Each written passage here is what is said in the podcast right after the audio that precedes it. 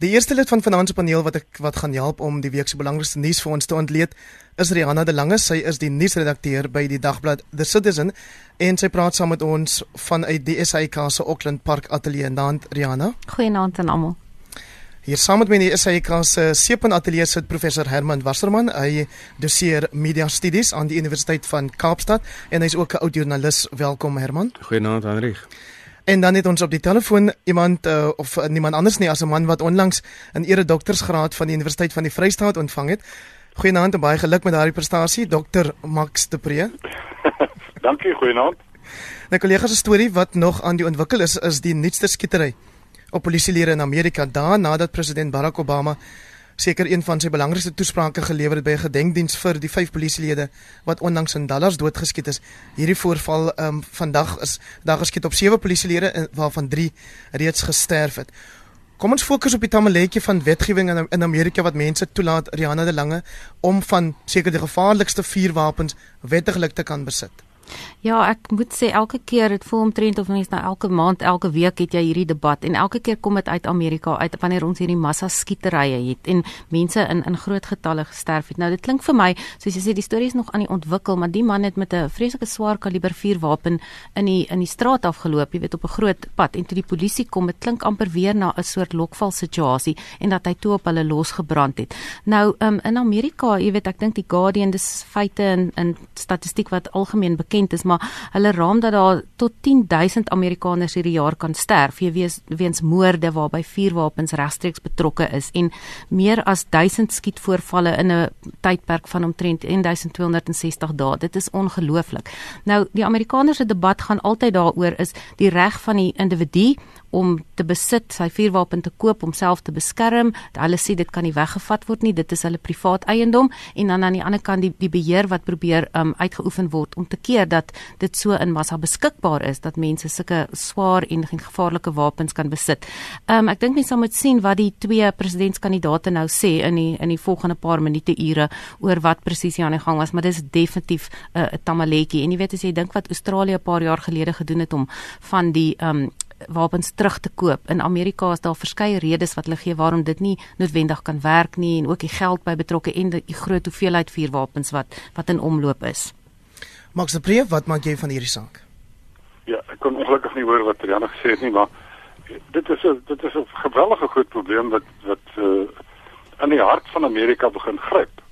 En ek sit vanmiddag en kyk na uh, meningsopnames wat sê wat dat Donald Trump het 'n goeie kans, hy het amper 'n 50% kans om die president te word. En in sy posisie en die mense wat hom ondersteun is, daar mag geen beperkings wees op die uh, die aanskaf van van vuurwapens en selfs uh, masjiengewere nie. So dit lyk nie of die probleem gaan beter word nie. Maar ek dink 'n groter probleem daar is uh die die verhouding tussen swart en wit in Amerika. Ehm um, ons praat nou van die van die skietery in Dallas en nou die skietery uh vanaand in in in in Baton Rouge. Maar gister was daar weer 'n onskuldige ongewapende jong swart man deur 'n polisieman doodgeskiet. Wel dit dit mens kan amper nie glo dat hierdie probleem net voortstruikel en aangaan soos hy aangaan en aangaan en aangaan nie.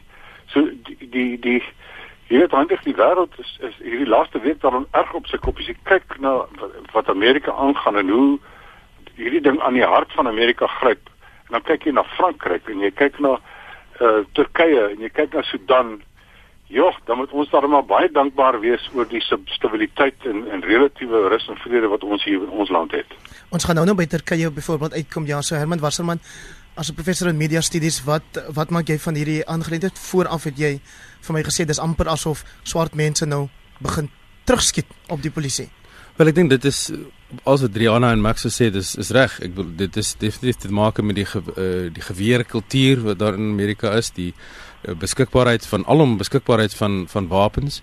Uh dit het baie definitief ook te maak met die spanning tussen wit en swart en met byname die uh gewelds uh die die die uh die die uh, spanning wat bestaan tussen polisie en en swart mense die um uh, teken van swart mense wat ons gesien het die totale disproporsionele geweld wat op swart mense um uh, toegepas word. So ek en en en mens sien hierdie kombinasie, dis eintlik 'n dodelike 'n uh, cocktail van van uh, aan die een kant die beskikbaarheid van wapens, hierdie uh, skietkultuur en dan daarmee saam hierdie hierdie spanning en nou die beskikbaarheid van wapens wat dit moontlik maak dan letterlik vir mense om terug te skiet op die polisie soos ons in Dallas gesien het en ek het nog nie die details van hierdie saak onder oë gehad nie, so mens weet nie of dit in dieselfde asem is uh, genoem kan word as Dallas. Dit lyk wel as dit die, die, die geval is. So dit dit dit lyk dan inderdaad asof ons amper hier 'n klein oorlog uh, sien on, on ontwikkel wat wat wat baie sleg is. En hierdie goed gebeur natuurlik alles uh, Rihanna de Lange teen die agtergrond van Maxa dan nou verwys die Amerikaanse presidentsverkiesing, né? Ja, ek dink dit is net um, soos hy sê mense moet kyk ook nou waar waarheen dit mense se sentimente swaai in Amerika en ek dink byvoorbeeld net as jy op die oomblik um, enigstens 'n polisieman is of familie van 'n polisieman moet dit 'n ongelooflike uh, stresvolle situasie wees en dit kan waarskynlik mense se se stem en en verweele stem beïnvloed. Uh, Max de Pre. As jy nog op die lyn? Hallo Max. Ja, ek is nog. Ja. Ehm um, wil jy iets sê oor oor Suid-Afrikaners se verhouding um, met ons eie polisie mag? Ja, mense wil soos altyd as as jy die goed in Amerika lees en van hoor, dan wil jy uh, kyk na wat by ons gebeur. Ehm um, hier by ons het die polisieprobleem as ek dit so mag noem, nie ras uh angle nie. Want hier is nie wit mense wat kla dat swart polisiemanne hulle on, onregverdiglik teiken, soos wat gekla word dat wit polisiemanne jong swart mans in Amerika teiken nie.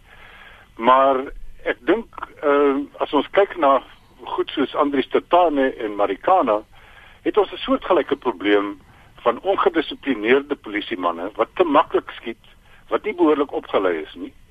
En ek is half skrikkerig oor wat gaan gebeur met die verkiesing wat op hande is oor 'n paar weke waar daar amper gewaarborg is dat daar 'n sekere minimum van geweld gaan wees en dalk heelwat meer agterna.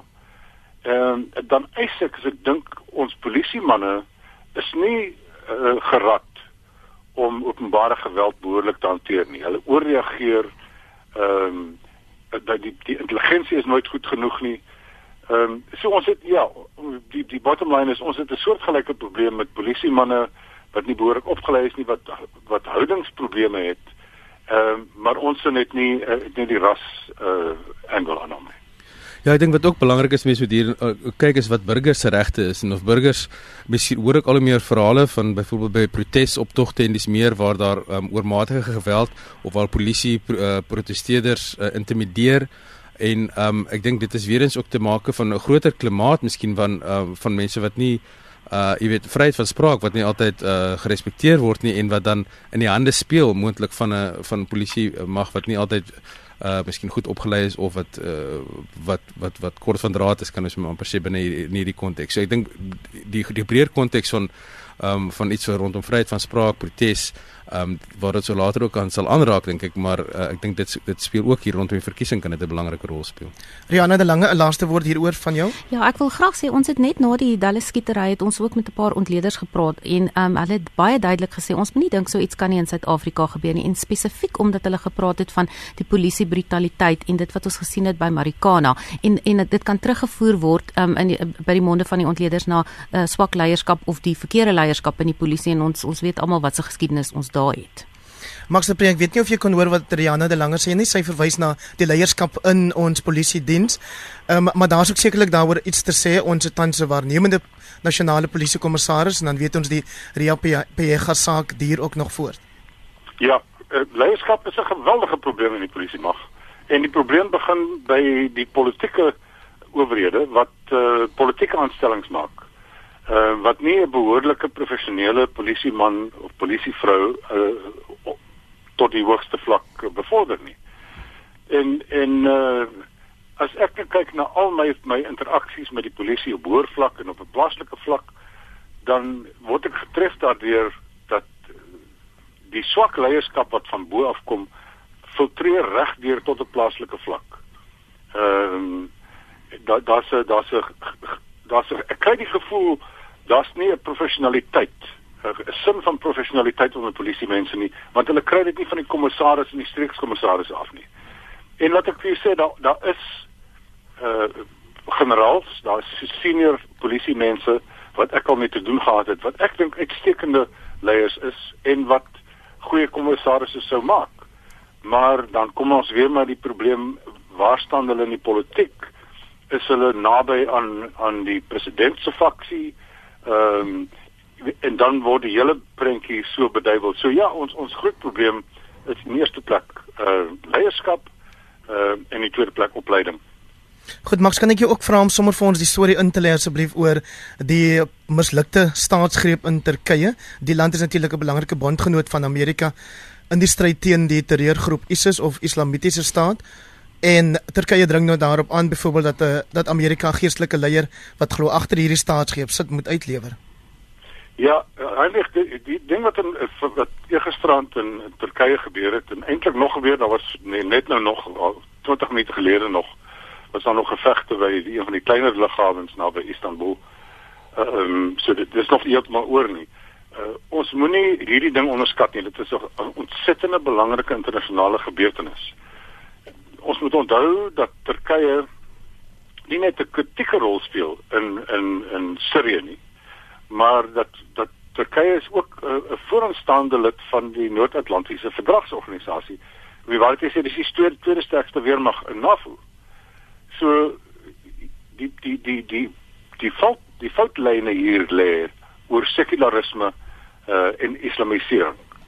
Dat president Erdogan ehm uh, wat eers 'n eerste minister was om toe so ingewikkeld het tot hy president geword het nou maak hy die president se posisie wat eintlik altyd seremonieel, meer seremonieel was, maak hy nou 'n uitvoerende president en hy maak al meer mag vir homself bymekaar en hy raak meer autoritair by die dag. Ehm um, en en hy raak al nader aan aan aan 'n godsdienstige leier. En dit is die groot ding van van van moderne Turkye, dis 'n sekulêre staat terwyl die oorweldigende meerderheid van die mense is is moslems. Maar daar is in die grondwet en dit is die basiese grondslag van die staat, dis 'n sekulêre staat. En die weermag was al van die 70s af, eintlik van die 60s af. Ja. Ehm um, jy weet daar was al 3 staatsgrepe. En elke keer het dit hieroor gegaan dat die regering raak te naby aan 'n godsdienstige regering en dan kom die weermag en korrigeer hy dit en sê ehm um, dit is 'n sekulêre staat. Dit is wat ons dis wie dit wat, wat ons definieer. En hierdie keer en ons sal in die weke wat kom seker eers mooi verstaan het hierdie groep uh, in die weermag 'n uh, ontsaglike oordeelsfout be be begaan. In eerste plek het hulle dit swak beplan. Daar was nie genoeg ondersteuning in die weermag self nie. En hulle het baie duidelik die openbare ehm um, sentiment verkeerd gelees. so hulle het gekom met hierdie ehm um, poging uh, Vrydag uh, nag en Saterdagoggend en uiteindelik is dit het dit misluk. Sover het dit misluk. En al wat mense nou kan sien is dat president Erdogan sterker uitkom. Uh hy misbruik hierdie krisis nou baie behoorlik. Hy het meer as 3000 soldate al laat in hegtenis neem. Ehm um, maar dit kan 'n mens verstaan dit is dalk nou stond soldate wat deelgeneem het aan die muitery of aan die, staatsgreep. Maar hy het amper 3000 landroste regters en aanklaers ook in in in in hegtenis laat neem. Want hy sê hulle is hulle is volgelinge ehm uh, van eh uh, Fethullah Gulen wat in Amerika sit. Nou uh, Fethullah Gulen het sterk invloed in Turkye en hy's meer 'n mis, mistiese soort van ehm uh, islamitiese figuur alhoewel hy staan ook sterk vir uh, intergeloof uh, kommunikasie en sekularisme in in in die in die, in die groot prentjie in, in die land. So ek ek sien president Erdogan hom homself nou verder verder ingrawe in die mag. Dat hy selfs meer autoritair gaan word en dat die, die regering dat die dat die Turkse staat nader aan 'n aan 'n amptelike is, islamitiese staat gaan word. En en en dit is gevaarlik uh, vir die breë breë prentjie in wêreldvrede. Rianne de Lange en dan is dit so dat die media gewoonlik 'n sentrale rol speel en veral staatsbeheerde media wanneer so 'n voorval natuurlik plaasvind. Ehm um, in die geval het ons ook gesien dat eh uh, die die die twee verskillende uh, groeperings het natuurlik probeer om jy weet om om seker te maak dat hulle boodskap eerste na buite kom en Max praat van die swak beplanning deur hierdie ehm um, ouens wat die staatsgreep uitgevoer het maar dit lyk my dit ook aan daai kant 'n bietjie swak beplan.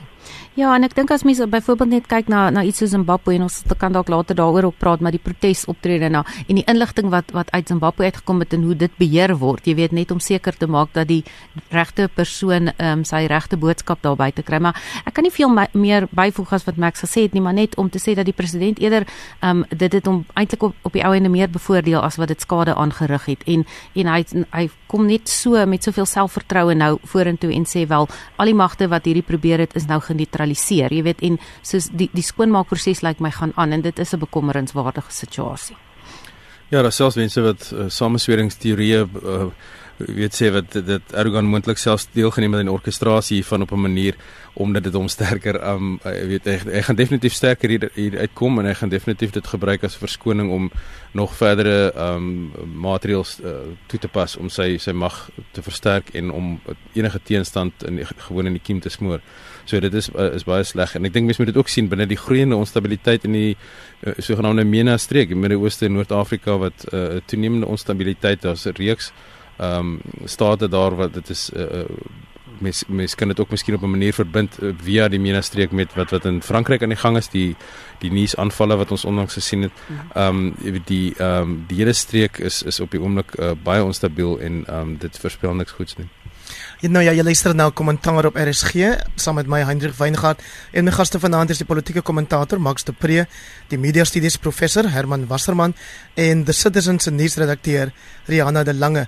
Nou die afgelope Vrydagoggend het die grondwetlike hof beslis dat die departement van korrektiewe dienste ongrondwetlik opgetree het deur nie sewe breinbewaarders te bevorder nie. Dit is gedoen aan die hand van die departement se toepassing van nasionale bevolkingsdemografie in die Weskaap en die grondwetlike hof het beslis dat dit verkeerd was Max de Pre. Ja, 'n baie sterk oorwinning vir ons grondwet en vir ons demokrasie en vir regverdigheid in ons samelewing. Ehm um, ek dink 'n uh, skitterende oomblik. Ehm um, dit was so absurd wat korrektiewe dienste gedoen het, probeer doen het en dis die departemente ook wat uh, letterlik gesê het en ek meen ons onthou wat Jimmy Manny gesê het is hier's te veel kleerlinge in die Kaap. Julle moet Johannesburg toe trek as julle wil werk hê. Wie daai soort van rassistiese nonsens wat aangegaan het. En die konstitusionele hof uh, en luisteraars moet maar net weer eens vanaand sê dankie vir ons grondwet en dankie vir ons konstitusionele hof want uh, ons word dan nou gereeld daaraan herinner dat dit is die baken van ons stabiliteit. Ja, 'n goeie besluit uh, om te sê jy kan nie uh, die nasionale demografiese uh, oorwegings uh, alleen toepas nie. Ehm um, daar is geografiese verskynsels soos daar's meer uh, breinmense in die Wes-Kaap, daar's meer Indiërs in KwaZulu-Natal en so aan en en dit moet net dit maak mos net sin. Dit moet net regverdig om die provinsiale, die streeks demografie ook in in gedagte te hou. So dit was 'n goeie dag vir ons almal. Herman Wasserman, Max de Presie en ons moet sê dankie vir die grondwet, dankie vir 'n onafhanklike onafhanklike regbank. Ons moet seker ook sê en dankie vir solidariteit wat besluit het om hierdie saak hof toe te neem tot op die hoogste vlak. Wel, dit is interessant. Uh, ek sou graag wil sien wat solidariteit hiermee gaan maak en ook wil, wil sien wat ander partye gaan maak met die uitspraak en jy weet uh, hoe dit gaan uitspeel in verkiesings uh, veldtogte. Ek wil ek sien reeds erns in die, in die media wat die opskrif uh, dit is 'n oorwinning oor regstel aksie. Nou ek dink nie dit, dit ek dink dit sou jammer wees as mense sien dat dit as 'n soort van 'n kombers dat alle regstel aksie noodwendig verkeerd is en dat dit hierdie is 'n regstel aksie is 'n is 'n ehm um, is is altyd 'n gemors. Ek dink die die punt hier is dat dit gaan oor 'n fyner toepassing van regstel aksie. Dit gaan oor 'n meer regverdige toepassing van regstel aksie. Dis nie dat regstel aksie onnodig is of wat dit hierdie 'n oorwinning oor regstel aksie per se is nie.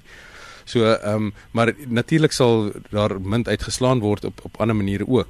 So ek stem saam met Max dit is 'n ehm um, waar waar ook al die grondwet ehm um, op hierdie manier ehm um, help vir oorwinnings is baie belangrik. Ons sal later weer terugkeer na die belangrikheid van demokratiese instellings waaronder die grondwet en die grondwethof uh, is absoluut uh, belangrik maar dit gaan ook altyd natuurlik oor hoe dit geïnterpreteer word en hoe dit weer later ehm um, op ander maniere ehm um, uh, munt uitgeslaan gaan word. Rihanna de Lange, ek vra jou ook dan nou maar want daar is luisteraars wat op Facebook reeds um, teen Vrydag gevra het dat dat solidariteit die erkenning behoort te kry daarvoor dat hulle hierdie saak uh, vir die afgelope 4 jaar befonds en gevoer het tot waar ons nou hierdie oorwinning Vrydag gesien het. Ja, ek dink net hulle dit dit mense moet dit tog sê, jy weet, uh, maar ek dink ook die mense wat daarbey betrokke was, jy weet, 5 uh, 4 jaar is 'n baie lang tyd om om so iets te veg en um almal wat daarbey betrokke was, dink ek verdien 'n pleintjie, maar um jy weet solidariteit se flipbuis het reeds gesê, jy weet, dit is um dit wys dat die afdwing van hierdie nasionale demografiese teikens, jy weet, in die werk werklik indrys teen die werklikhede van die land. En ek dink dit is wat Herman nou net gesê het daar is 'n fyner toepassing waarna mense moet kyk en hoe ehm um, korrektiewe dienste dan kyk na hoe hulle hierdie beleid saamstel ehm um, wat hulle in ag neem en hoe hulle dit toepas. Maar ek is seker ook jy weet wat betref ehm um, sekere minderheidsgroepe in sekere dele van die land ons gaan nog uitvloeisels hiervan sien definitief. Maar ek spreek weet nie of jy uh, my, ons twee kollegas kon hoor nou nie maar hulle maak die punt dat hierdie saak nie uitgebuit moet word as 'n 'n oorwinning vir ek wil amper sê teen regstellende aksie nie, maar dat dit eerder vra vir 'n 'n meer 'n 'n beter toepassing van regstellende aksiebeleid. Inderdaad en en en die konstitusionele hof was baie duidelik hieroor dat die die beginsel van regstellende aksie uh word nie hier ondermyn nie. Uh inteendeel en daar is uh, een van die van die uh, aansoekers voor die hof was 'n wit ou en hy het verloor uh dit het toe gegaan net oor die oor die die uh die die sogenaamde breinkwota. Uh so dit is al wat die hofsaak gesê het is jy moet uh, wat die hof gesê het is jy moet streeks demografie in gedagte hou, nie net nasionale demografie nie. Dit ondermyn hoe genaamd nie regstellende aksie nie. Soos hy man gesê dit dit dit gee 'n rigting van dit is hoe dit korrek toegepas moet word. So as solidariteit hieroor gaan breëbos loop en sê dit was 'n slag daarteen dan is hulle verkeerd. Ehm uh, maar nou ja, die saak is tot uh, die konstitusionele hof gevoer en ons moet almal sê dit was 'n goeie saak om om te voer. Ek hoor jou net sê ons moet ook erkenning gee aan solidariteit nie. Wel ek ek is nie presies seker of hulle alles betaal het nie en en of dit 'n leen inisiatief was nie. As dit so is, nou ja, dan sê ons dankie, dankie manne. Iemand moes dit gedoen het. As jy dit gedoen het, was dit reg. Dankie. Ja, ek sien hulle sê dit is 'n oorwinning vir minderhede. Nou wel, ek dit dit gaan eintlik hier oor 'n oorwinning oor die vir die beginsel van regstel aksie en die regverdige toepassing van regstel aksie. Dit gaan nie eintlik vir my oor minderheidspolitiek nie en dit is my die vraag is word hier iets uh, anders uh, eintlik gesê as wat wat wat, wat vir die bevinding regtig was. Ja, dit is nou 22 minute oor 8 hier op RSG waar jy luister na die Sondag aand aktualiteitsprogram kommentaar saam met my Hendrik Weingart. Kollegas nou net sodra jy dink dit kan nie erger nie slaan terroriste op die vreemdste wyse toe. Eers die gay klub skieter in Orlando in Amerika, onlangs en nou die trok terroris in Nice in Frankryk wat byna 100 mense na afloop van die land se Bastille vieringe doodgery het. Herman Wasserman? Ja, ek dink dit is ehm um, ongelukkig nie die uh, eerste nie en ongelukkig ook waarskynlik nie die laaste terrorisme aanval wat ons gaan sien in in Europa nie. Ehm um, ISIS het nog nie verantwoordelikheid daarvoor aanvaar nie. Ehm um, ek sien analiste sê mens uh, dit is waarskynlik nie georkestreer deur ISIS nie, maar dit is waarskynlik geïnspireer deur ISIS. En ehm um, en daar's 'n baie interessante analise wat ek vandag teëgekom het deur Nafis Ahmed wat skryf oor weet twee hoofredes wat mense kan sê waarom hierdie in in in Frankryk veral kom waarom Frankryk spesifiek so geteken word. En die een is dat daar is deels 'n radikalisering van Franse moslems in in Frankryk self as gevolg van Frankryk se eie diskriminasie teen sy moslim um, bevolking of wat so gedane gesien word as diskriminasie um, en ook deels 'n reaksie op Frankryk se militêre aksies teen islamitiese militante in Noord-Afrika. Weer eens um die daardie streek um en Frankryk het basisse het in Mali, Mauritanië, Niger, Burkina Faso en so meer. Ons sien met ander woorde dat um dat dat daardie aksie wat daar op die militêre aksie militêre teenwoordigheid daar kom op 'n manier ook huis toe. So ek ek dink uh, Frankryk ehm um, is in 'n is in 'n baie moeilike posisie op die oomblik en ek dink ons gaan uh, ongelukkig nog meer van hierdie tipe aanvalle sien. Dit is 'n baie onsekere omgewing waarop ons waaraan ons osself baie onsekere wêreld waarin ons osself bevind op die oomblik. Riana de Lange? Ja, ek dink maar net ook die die aardigheid daarvan, jy weet dit is kan jy my hoor? Dit lyk mos vir Riana verloor. So Max de Preek kan ek vir jou vra vir jou jou kommentaar asseblief op die gebeure daar in ehm um, in uh uh die gebeure in Nice, skielik tog Nice in Frankryk ja. Hallo, ek is jy by my? Ja ja, ek vra vir jou indruk of jou kommentaar op wat gebeure daar in Nice in Frankryk? Ja, Nice is 'n ding wat ons ek ek voorspel ons gaan dit nog baie sien. Ehm um, hierdie man uh was was 'n gewone krimineel met 'n probleem lewe, hy was gewelddadig, hy het 'n slegte egskeiding gehad en kinders en so aan, hy het 'n drankgewoonte probleem gehad. En hy is blykbaar soos ek vanmiddag uitgevind het, redelik onlangs geradikaliseer deur plaaslike mense en deur die internet en op min of meer op sy eie of hy en twee ander ouens het hierdie plan bedink. Ek dink dit is wat wat voorlê vir vir nie net vir Frankryk nie, maar ook vir België en ook vir Brittanje. Mense wat lande wat betrokke is in Sirië uh en in Irak uh dat hierdie hierdie soort van lone wolf goed gaan gebeur. Ons gaan dit ook in Amerika sien. Om die waarheid te sê, ons het dit ook in Suid-Afrika 'n uh, uh, uh, aanduiding daarvan. Vier mense wat uh, aangekla word dat hulle terrorisme beplan het in Suid-Afrika. Ehm um, mense wat nie in Sirië was nie, mense wat nie in kontak was met met uh, ISIS of iemand nie, maar wat hier plaaslik geradikaliseer is en as ons die aanklag, die klagstaat moet glo, wou hulle die Amerikaanse ambassade of die konsulaat aanval en een of ander Joodse instelling. Ehm um, so nou raak dit baie gevaarliker. Dit help nie jy het 'n goeie intelligensiestelsel en jy in, jy infiltreer al hierdie uh, ekstremistiese groepe nie want hier kom 'n ou wat hulle niks van geweet het nie.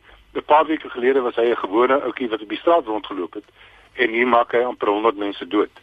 Ehm um, so ons het ons het 'n nuwe fase uh, ingegaan met hierdie met hierdie stryd.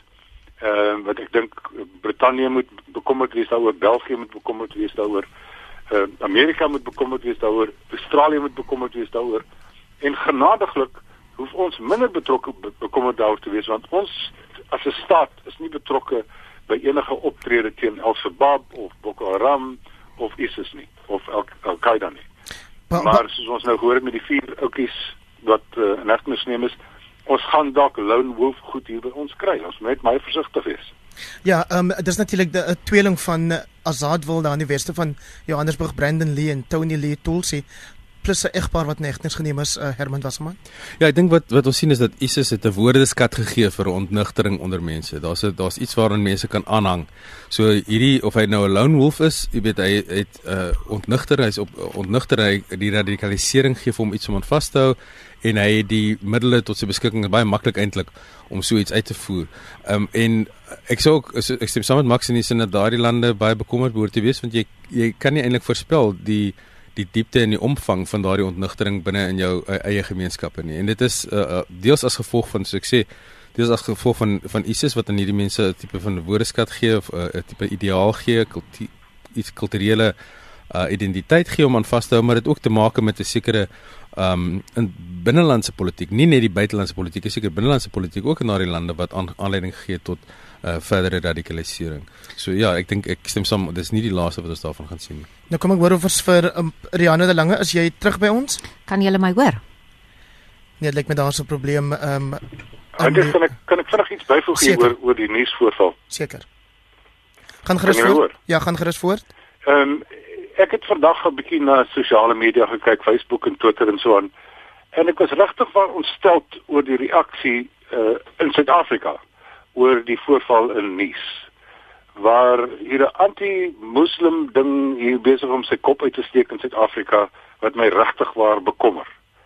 Ehm uh, as ons gewone Suid-Afrikaners ehm uh, gaan islamofobies word oor hierdie soort van voorvalle, dan maak ons dat hierdie terroriste, hierdie hierdie gewelddenaars, hierdie moordenaars, dat hulle eintlik wen, want wat hulle soek is is konfrontasie uh, is polarisasie. En en en en mense in Suid-Afrika moet asseblief bietjie mooi dink en kyk om jou. Uh die ou wat langs jou sit in die kantoor, in die restaurant, in die op die sportstadion is dalk 'n moslim. Uh das nie die moslems in Suid-Afrika is nie afsonderlike mense nie. Hulle is al hier van die 17de eeu af saam met ons. Hulle het in die laat 1600s hier aangekom as bannelinge en as slawe en dit is hoe Islam hier gekom het en hulle is ingeburger in ons in. Daar's moslems uh, op ons regbank as moslems in ons kabinet. Daar's moslems oral om om ons. Hulle is deel van ons. Hulle is hulle is ons. Ons is ook almal moslems. Ehm um, en hierdie islamofobie wat ek vandag op Suid-Afrikaanse Facebook en Twitter gesien het, is baie ontstellend. Herman Wasserman, jy's 'n media professor en natuurlik speel jy die media en sosiale media uh, bepaal 'n belangrike rol in hoe mense reageer op hierdie soort gebeure.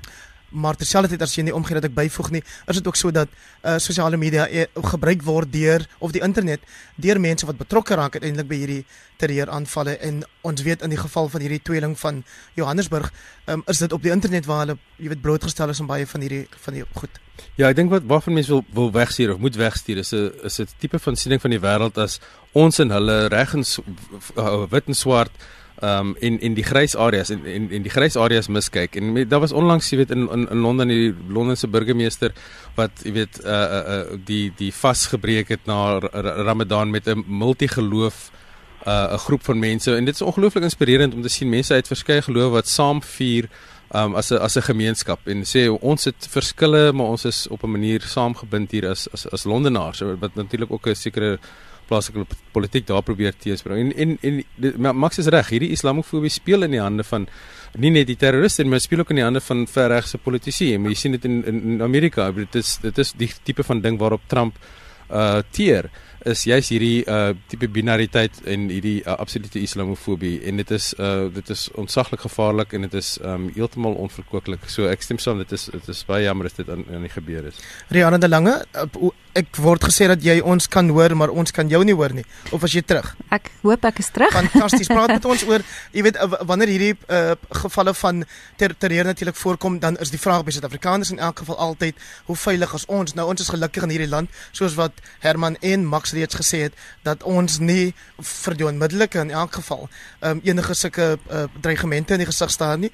Maar Suid-Afrikaners reis oor see en ons het in die media hierdie naweek gesien um, nuus oor oor Suid-Afrikaners wat hulle bevind het in nuus die ander dag byvoorbeeld toe daai voorval daar plaasgevind het. Ja, ek dink die groot ding is natuurlik het dit 'n implikasie op toerisme en ekonomie en so aan, maar die die aardigheid en die slegte deel van hierdie situasie is dit is 'n dis 'n ge gebeurtenis waar mense bymekaar kom met hulle kinders. Dit is 'n openbare gebeurtenis. Almal is in 'n goeie stemming en dan gebeur so iets. Jy weet en as jy kyk na die aaklige fotos wat jy weet van kinders stoot waantjies wat net so verlate op daai promenade staan. Ek dink dit doen ook iets aan 'n siege van 'n land, maar ook jy weet dit ruk aan die wêreld en dit dit behoort mens ook tot um aksie te doen van meer die versoening as om om te staan om te veroordeel dink ek.